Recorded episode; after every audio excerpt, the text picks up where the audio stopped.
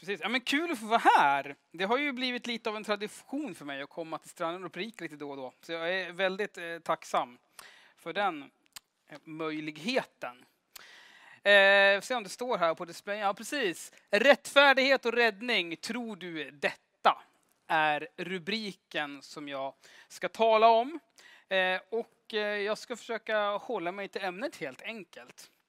Eh, jag ska börja med att läsa en text och jag läser från Johannes evangeliets första kapitel, vers 29 till 37. Eh, det är ganska så här, taget ur sitt sammanhang, men jag läser det så i alla fall. Annars får jag läsa hela kapitlet. Nästa dag såg han, det är Johannes döparen, nästa dag såg han Jesus komma och han sa Se Guds lamm som tar bort världens synd. Det var om honom jag sa, efter mig kommer en man som är före mig, för han var till före mig. Jag kände honom inte, men för att han ska uppenbaras för Israel har jag kommit och döper i vatten. Johannes vittnade och sa, jag såg anden komma ner som en duva från himlen och stanna över honom. Jag kände honom inte, men han som sände mig att döpa i vatten sa till mig, den du ser anden komma ner och stanna över, han är den som döper i den helige ande. Jag har sett det och vittnat att han är Guds son. Nästa dag stod Johannes där igen med två av sina lärjungar. När han såg Jesus komma gående sa han, se Guds lamm. De båda lärjungarna hörde vad han sa och följde efter Jesus. Johannes evangeliet är skrivet av Johannes. Det är samma person, han var en av lärjungarna, samma person som har skrivit de tre Johannesbreven och Uppenbarelseboken i Bibeln också. Eh, och han gör det för att på riktigt beskriva vem Jesus är och för att läsaren ska komma till tro på honom. Vi har de här andra tre evangelierna, Matteus, Markus och Lukas, som är ganska lika varandra. Man kan säga att Matteus och Lukas har använt Markus som, som liksom utgångspunkt lite grann och de har, har ganska många gemensamma nämnare. Johannes evangeliet har också självklart gemensamma nämnare med de andra evangelierna. Men man kan liksom märka att han har skrivit det lite senare, därför det verkar som att han på ett sätt utgår från att de som läser det känner till lite om vad som händer i Matteus, Markus och Lukas. Och Johannes strukturerar sitt evangelium på ett sätt som man kan märka när man studerar det är gjort för att den som läser det inte bara ska få information om vem Jesus, alltså, alltså typ vad han gjorde och vad han hade för sig, var han kom ifrån. Utan också vem han på riktigt är. Också den här texten som jag just läste handlar om det på olika sätt. Och vi kan aldrig tänka att vi liksom på något vis, nu har jag lärt mig vem Jesus är, nu har jag liksom, ja, byggt upp här, så nu ska jag gå vidare till den mer avancerade delen av det kristna livet.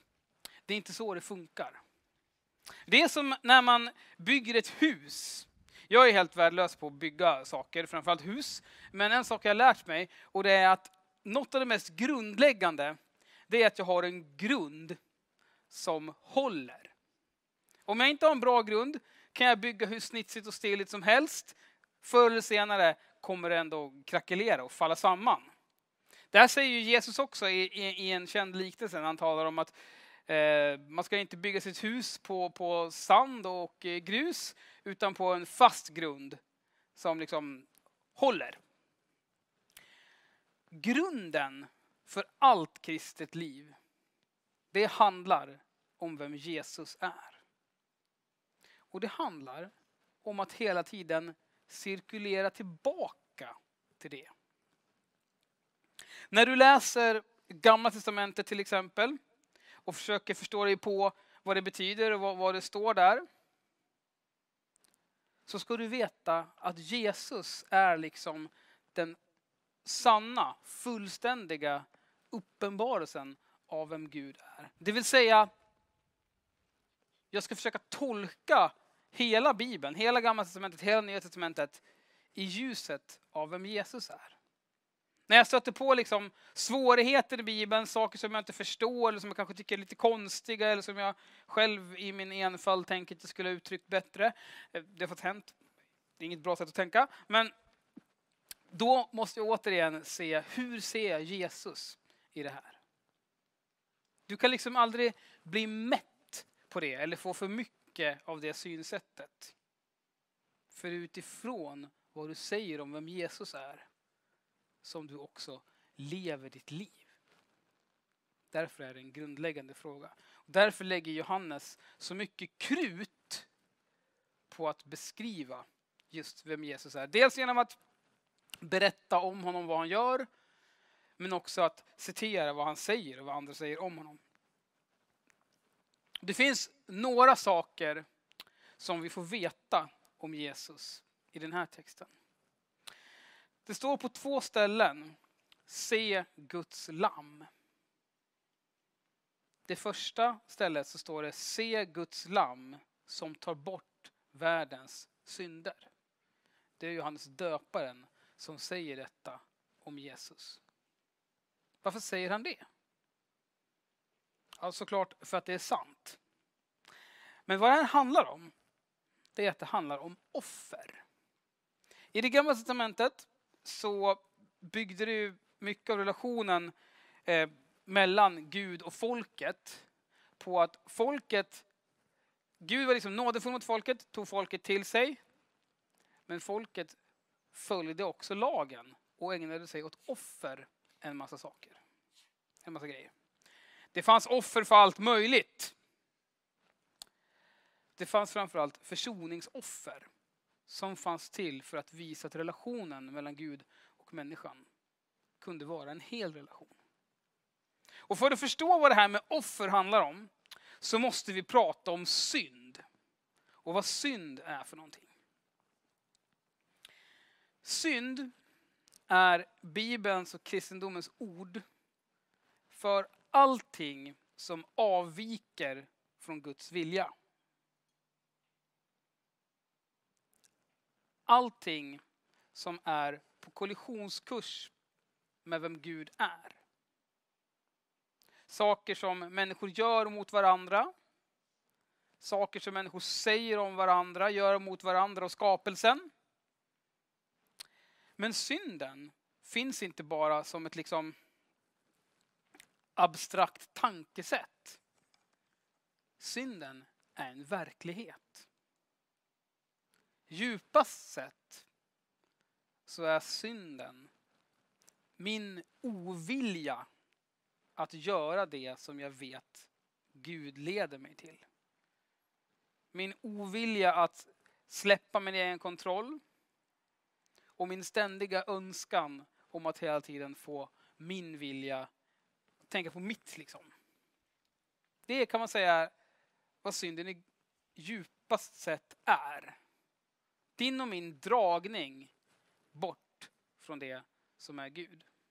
Och problemet med synden är att den skiljer oss från Gud. Det gäller all synd. Synd kan såklart ha olika allvarliga konsekvenser. Det är klart det har större konsekvenser om jag mördar någon än om jag säger att någon är ful. Även om båda sakerna är synd. Ni fattar vad jag menar? Men synden, all synd funkar så att det skiljer mig från Gud. Inte så att Gud tittar på mig och tänker att det är mycket röst, alltså, kan jag inte vara med, så mycket synd har jag inte sett förut. Eller att det, liksom, att det är Gud som, som liksom vänder sig bort från oss på det sättet. Det finns ett drag av att Gud också såklart vänder sig bort från synden i en mening. Men problemet är inte på Guds sida, problemet är på min sida. Nämligen synden vill inte ha med Gud att göra. Man liksom gömmer sig för Gud. Därför man märker när man kommer nära Gud att det syndiga, det kan inte bestå i Guds närvaro. Problemet med synden är alltså att den i slutändan leder till döden och till skilsmässa från Gud. Eftersom Gud är livet så kan inte jag i längden leva utan Gud i evigheten. Och jag kan inte leva fullt ut med Gud här och nu heller. Synden leder alltså till död. Det här ser, står ju redan i första Moseboken kapitel 3. På det måste det finnas en lösning. Och vi människor, vi kan ju försöka hitta lösningar på det. Genom att skärpa oss, genom att försöka liksom göra så gott vi kan. Vi kommer ändå inte lyckas. Därför vi kan inte göra det i oss själva. Därför så måste någon dö för att synd ska försonas. I Bibeln uttrycks det som att blod måste utgjutas. Och skälet till att det är så mycket prat om blod, i, eh, om du läser i Gamla testamentet och i Nya testamentet skulle jag gissa att det är mest i Hebreerbrevet som står om blod på olika sätt. Det är för att blod symboliserar livet. Och där kommer offren in. Istället för att människan går under så får man offra djur. Ett lamm. Eh, man kan ha en lång predikoserie om just bara offersystemet, för jag, jag förenklar det ganska mycket nu genom att säga att man offrar ett djur, för det man gör på olika sätt hela tiden. Liksom. Men, men jag tror ni fattar min poäng. Istället för att liksom mänskligheten, Guds folk, liksom måste bära sin egen synd och också ta den fulla konsekvensen av det, så lägger man det på ett lamm. Och när lammets blod utgjuts så får lammet ta smällen istället för människan. Det är vad offerlammet handlar om. Det är därför man ofta sjunger om lamm. Till exempel när man ska fira nattvard så sjunger man just de här orden som Johannes döparen säger. O Guds lamm som borttager världens synder. Jag håller på tills ni stoppar mig, bara så ni vet. Ja. Eh, och det är för att nattvarden påminner oss ju om Jesu död och uppståndelse. Så när Johannes säger se Guds lamm som tar bort världens synder. Så säger han att Jesus är det slutgiltiga lammet. Som tar bort världens synder. Och det är därför Jesus kom. Inte enbart, men huvudanledningen är att han skulle offras och dö som det slutgiltiga lammet. Så att vi inte behöver fler offer. Och så att det inte också blir så att vi måste... Alltså, vad ska man säga? Det blir inte så att vi måste offra hela tiden för att kunna ha en relation till Gud. Utan att det blir ett slutgiltigt offer som, som renar oss på riktigt. På det sättet så är offren i Gamla Testamentet en slags bild av det som skulle komma i slutet, när Jesus kommer. Nämligen ett slutgiltigt offer och en slutgiltig seger. Så Guds lamm, Jesus, är Guds lamm. Det betyder att Jesus har dött istället för mänskligheten. Jesus har dött istället för dig och mig.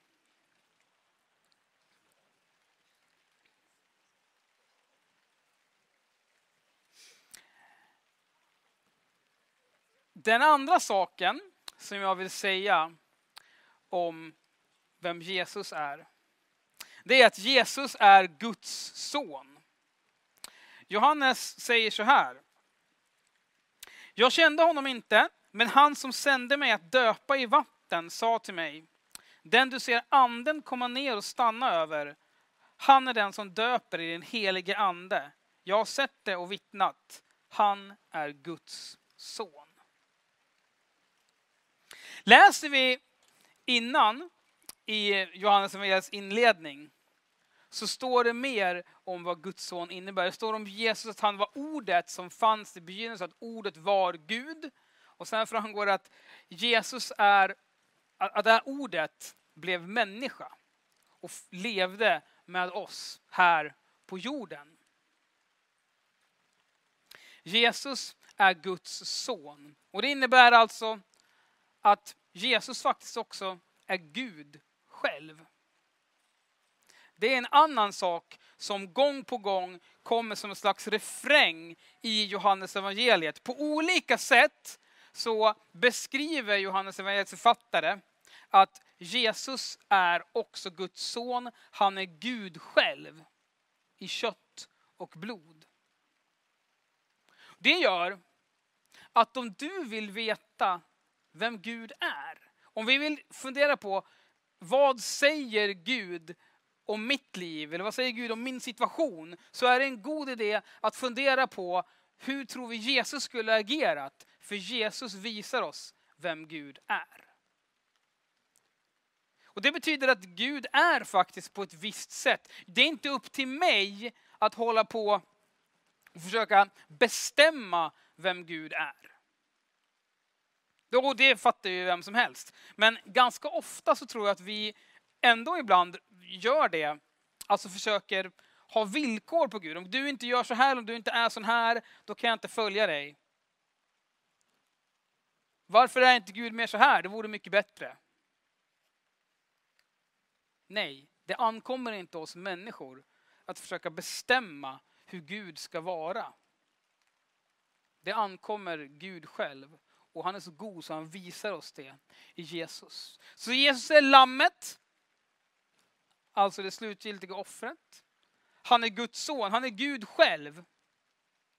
Och det finns också en tredje sak som jag vill ta upp ikväll.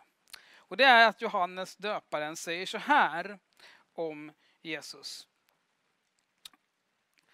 Han som sände mig att döpa i vatten, det vill säga Fadern, sa till mig, den du ser anden komma ner och stanna över, han är den som döper i den helige ande.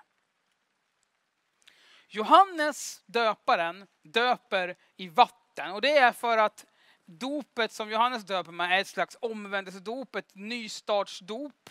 Ett dop som innebär nu ska jag, jag, alltså den person som döps, vandra på Guds väg framöver. Och Johannes uppdrag är att bana väg för Jesus. Och det gör han genom att tala om vem Jesus är. Och när han säger att Jesus döper med helig ande så är det ett sätt att tala om att Jesus uppfyller löften i Gamla Testamentet om att Guds ande ska utgjutas över allt kött. Eh, I Joels bok kapitel 2, vers 28 så står det att jag ska sända min ande över allt kött, jag ska vända fädernas hjärtan till sönerna och så vidare. Det är ett löfte om vad Gud ska göra. Och när Johannes säger att Jesus är den som döper med helig ande så säger han att Jesus är den som uppfyller det löftet. Att döpa betyder ju, oavsett om man liksom döper en person i vatten genom att doppa ner hela personen eller om man gör det som man gör med barn, man liksom gjuter vatten över huvudet. Så handlar döpa om att liksom omsluta någon, eller doppa ner någon i något. Dopets vatten innebär att vi är omslutna av Gud. Att vara döpt i den helige ande handlar alltså om att Gud doppar oss i sin heliga ande. Att han ger oss av sin ande utan förbehåll. Det är vad Jesus gör. Jesus är alltså uppfyllelsen på allt som lovas i hela det gamla testamentet. Han är offerlammet. Han är den som ger oss av sin heliga ande och han är Gud själv. Vad har det här med dagens ämne att göra? Jo, det har att göra med just rättfärdighet. Rättfärdighet är ett ord som, jag vet inte hur ofta du använder det, jag använder det oftast när jag predikar eller när jag läser högt i Bibeln. Men att vara rättfärdig handlar om att ha det rätt ställt med Gud. Att en rättfärdig person är någon som inte kan anklagas för något fel. Det vill säga, det är till exempel inte Micke Rastas. Om ni följde efter mig en dag så skulle det ta jag vet inte hur lång tid, jag ska inte försöka gissa för det. Men ni skulle upptäcka att den där killen, det går att anklaga honom för vissa onajsa saker. Och det här tror jag stämmer för var och en av oss.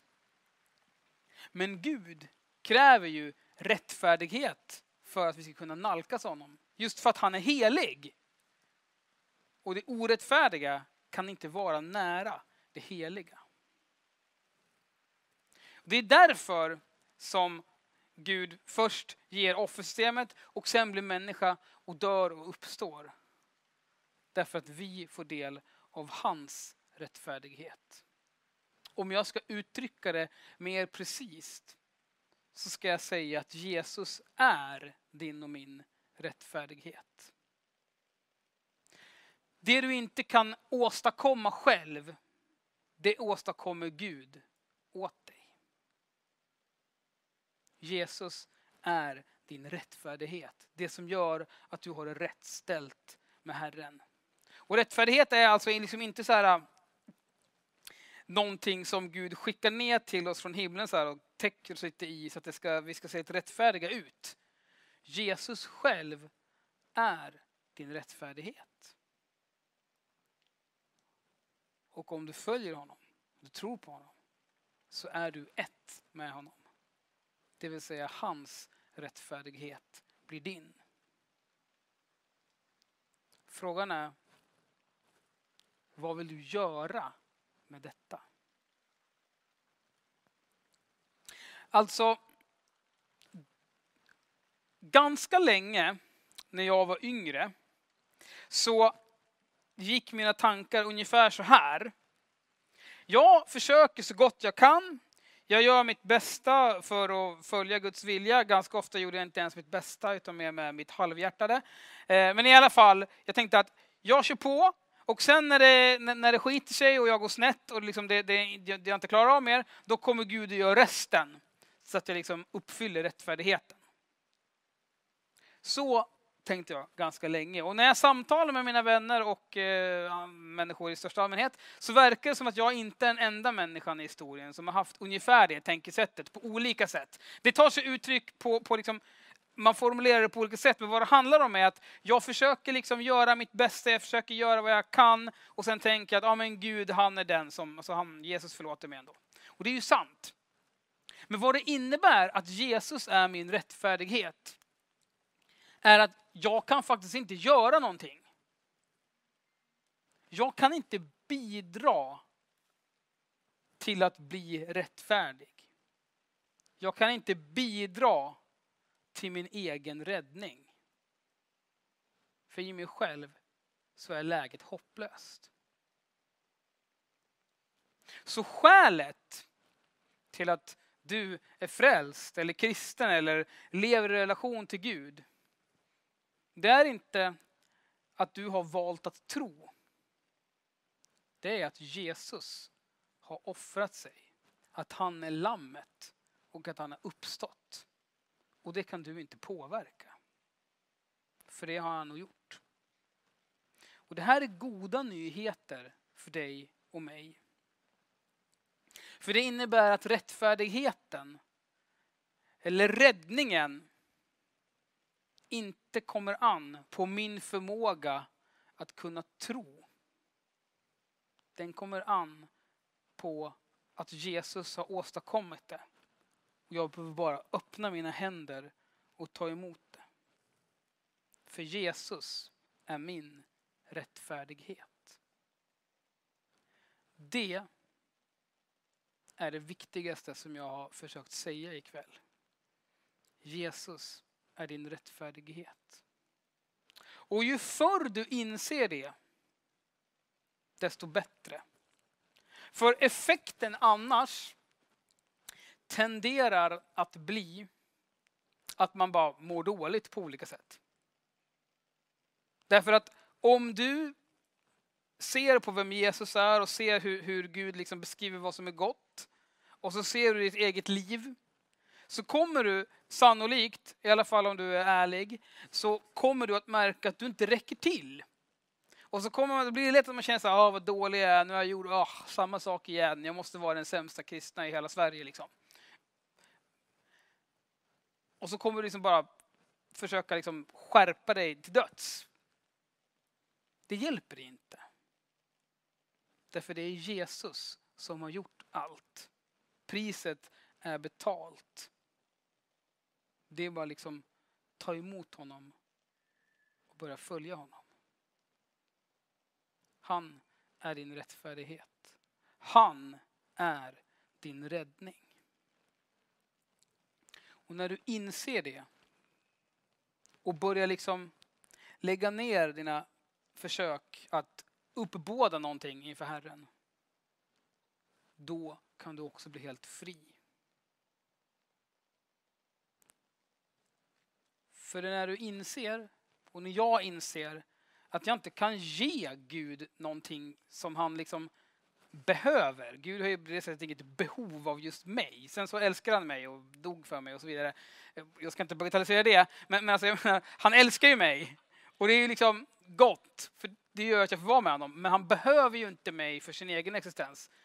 På det sätt som jag behöver mat eller andra människor och så vidare. Men det är när jag inser det som jag faktiskt också kan slappna av och vila i att Guds kärlek är det som gjorde att han blev människa. Att han blev våran rättfärdighet. Att han blev din räddning. Och Jesus kallar dig att följa honom. Jesus kallar dig att ta emot rättfärdigheten och ta emot allt som han har gett dig. Det står i Bibeln också att den som följer Jesus, den som tror på honom, är en ande med Gud. Du är ett med Herren. Han bor i ditt hjärta. Och det är för att han själv har ordnat det. Men Herren kallar dig också att följa honom.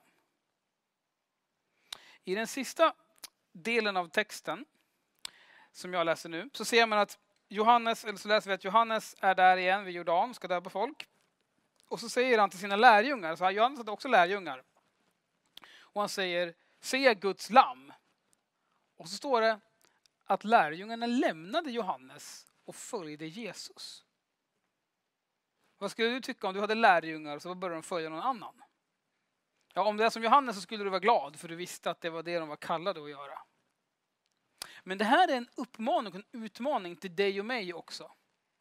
Därför rättfärdighet och räddning, det handlar om att Gud ger oss sin rättfärdighet och han räddar oss från det onda. Han räddar oss från att gå under, han räddar oss från att liksom försöka bygga vårt eget liv som ändå inte kommer hålla i längden.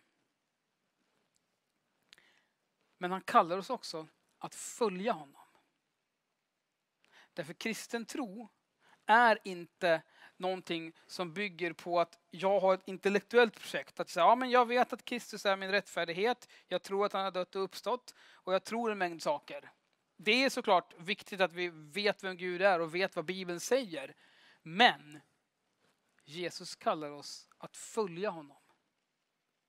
Att leva ut det som jag i mitt hjärta tror. För risken är att om du inte gör det så kommer din tro, när den sätts på prov, börja fejda ut. Det går ju inte så att man liksom går från att vara så här ah, halleluja-kristen till att liksom eh, bli helt anti på en eftermiddag. Men om jag inte följer Jesus i mitt liv, om jag bara har kristen tro som en slags världsbild eller liksom filosofi som jag tänker på, så kommer den inte att börja slå rot i mitt hjärta på djupet.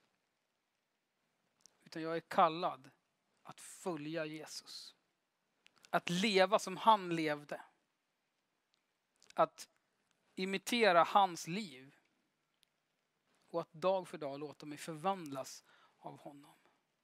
Och det är möjligt därför att han själv har gjort jobbet. Och det fina med det, det är att Jesus kräver inte att du ska vara så här jättesmart och vara så här uppfylld av alla himlens mysterier och så vidare för att kunna börja följa honom.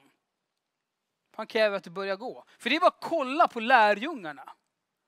Om vi studerar evangelierna så ser man, det verkar som att Jesus tröttnar på dem ibland. Jag, jag, jag tänker mig att vissa frågor, nu, det jag ska säga nu de nästa sekunderna, det är bara spekulation från min sida, bara så ni vet. Men det verkar, tycker jag, som att ibland gör Jesus ascoola under, typ så här mättar 5000 män med några få brödskivor. Och sen så frågar du lärjungarna, du Jesus, eh, hur mycket väger egentligen färgen lila? Ungefär så tror jag att han uppfattar deras frågor ibland. Men han bara, ah.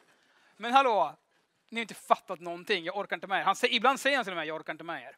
Och det här är också goda, eller han säger inte jag orkar inte med er, men han säger, oh, hur länge måste jag vara bland er? Vilket ju är ett sätt att säga, jag orkar inte med er. Och det här är goda nyheter för dig och mig. Därför att om till och med lärjungarna, de tolv apostlarna, som, som liksom grundade kyrkan sen, var sådana, ja men då kanske du och jag också får vara med. Och det säger jag inte för att trycka ner dig så att du är dålig, utan bara för att lyfta upp det lite. Gud kallar på oss. Och den som börjar gå, den blir vägledd av Jesus. Därför behöver du inte vänta på att du ska känna en särskild sak. Du behöver inte vänta på att något särskilt ska hända. Du kan börja med att studera Jesus. Och så försöker du omsätta hans sätt att behandla människor i ditt eget liv. Typ, Jesus dömde inte folk och var inte taskig. Då kan jag börja med att inte döma folk eller vara taskig. Och det tar ett tag för mig innan jag växer in i det. Liksom. Jesus är Guds lamm som tar bort världens synder. Också dina. Jesus är rättfärdigheten. Och han är också din rättfärdighet. Oavsett vad du gjorde innan du kom hit. Oavsett vem du är så vill Jesus vara din rättfärdighet. Han vill vara den som lyfter upp dig i Faderns famn. Och han vill att du ska följa honom. Tack för att ni orkade lyssna. Gud, jag tackar dig för att eh, du är den helige. Du är den som drar oss till dig och nämner vårt namn. Du är vår rättfärdighet. Tack för att ingen av oss är längre bort från dig än att vi bara behöver ropa på din hjälp så kommer du till oss. I Jesu namn. Amen. Jag vill också bara påminna dig om, tack, tack, tack, tack. Jag vill också bara påminna dig om, om att även om du är sån att du har så här, ja, yes, nu är jag på läger, nu är jag jättetaggad. Och sen så kommer du hem och så tar det två minuter innan du märker att oj då, det var inte alls så lätt som jag trodde. Så är det liksom inte så att det är ett one time offer och sen är du körd. Du är alltid välkommen till Guds hjärta. Det är sån han är.